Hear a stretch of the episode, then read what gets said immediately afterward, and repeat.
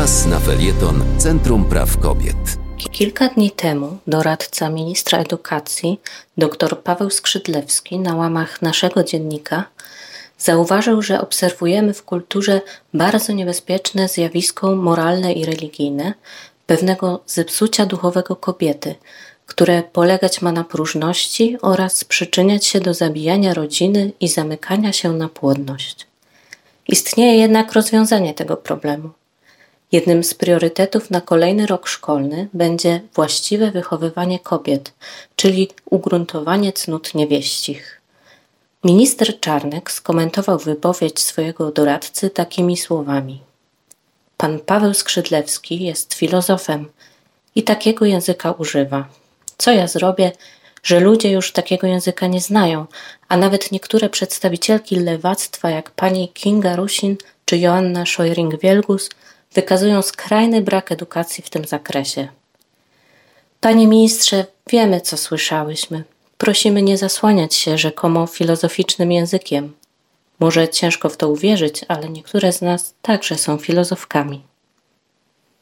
Na pierwszy rzut oka ta wypowiedź może wyglądać jak żart, ale przecież od wielu lat mężczyźni u władzy próbują programować kobiety według własnych potrzeb i wizji rodziny. Współczesne wypowiedzi na temat miejsca kobiety w społeczeństwie i rodzinie są niepokojąco podobne do ideałów XIX-wiecznej kobiecości. Według Barbary Welter, autorki książki The Cult of True Womanhood, na kobiecy ideał składała się święta czwórca cech: religijność, czystość, domowość i uległość. Kobieta miała być bardziej religijna od swojego męża, aby nie ulegała pokusom.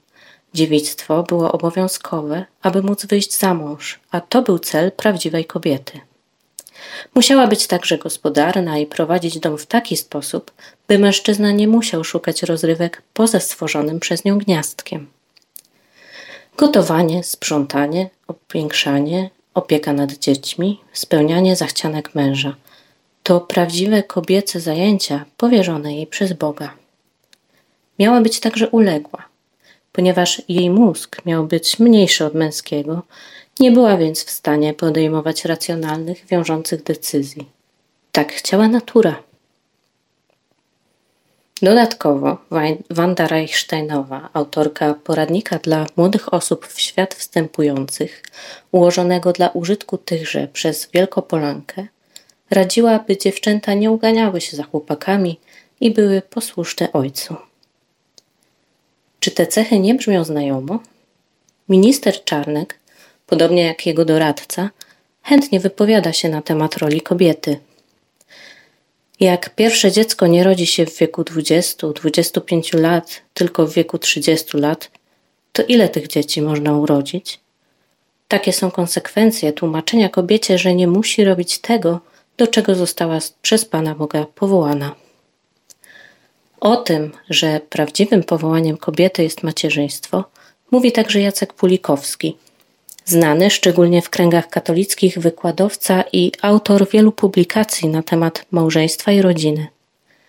Poszedł on jednak jeszcze dalej, mówiąc, że żona nigdy nie powinna odmówić mężowi współżycia, gdy on proponuje. Jeszcze precyzyjniej, mąż nigdy nie powinien czuć się odrzucony. Równie chętnie o kobiecych powinnościach wypowiadają się hierarchowie Kościoła katolickiego – z arcybiskupem Markiem Jędraszewskim na czele, który ubolewa nad tym, że część kobiet nie chce spełniać się w roli matki i uważa, że nieszczęście kobiety zaczyna się od momentu, gdy chce być mężczyzną bis. Czyżby arcybiskup odnosił się do opisywanej przez Freuda zazdrości dziewczynki o penisa? Przykłady podobnych wypowiedzi można mnożyć w nieskończoność. Wysoko postawieni mężczyźni przyzwyczaili się już, że mogą rozporządzać kobietami. Zatrzymali się na XIX-wiecznej normie, nie zauważając, że jesteśmy już w zupełnie innym punkcie historii. Naszymi cnotami są solidarność i siła.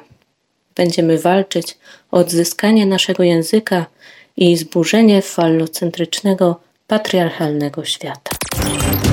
Wspieraj niezależne Halo Radio, które mówi wszystko. www.halo.radio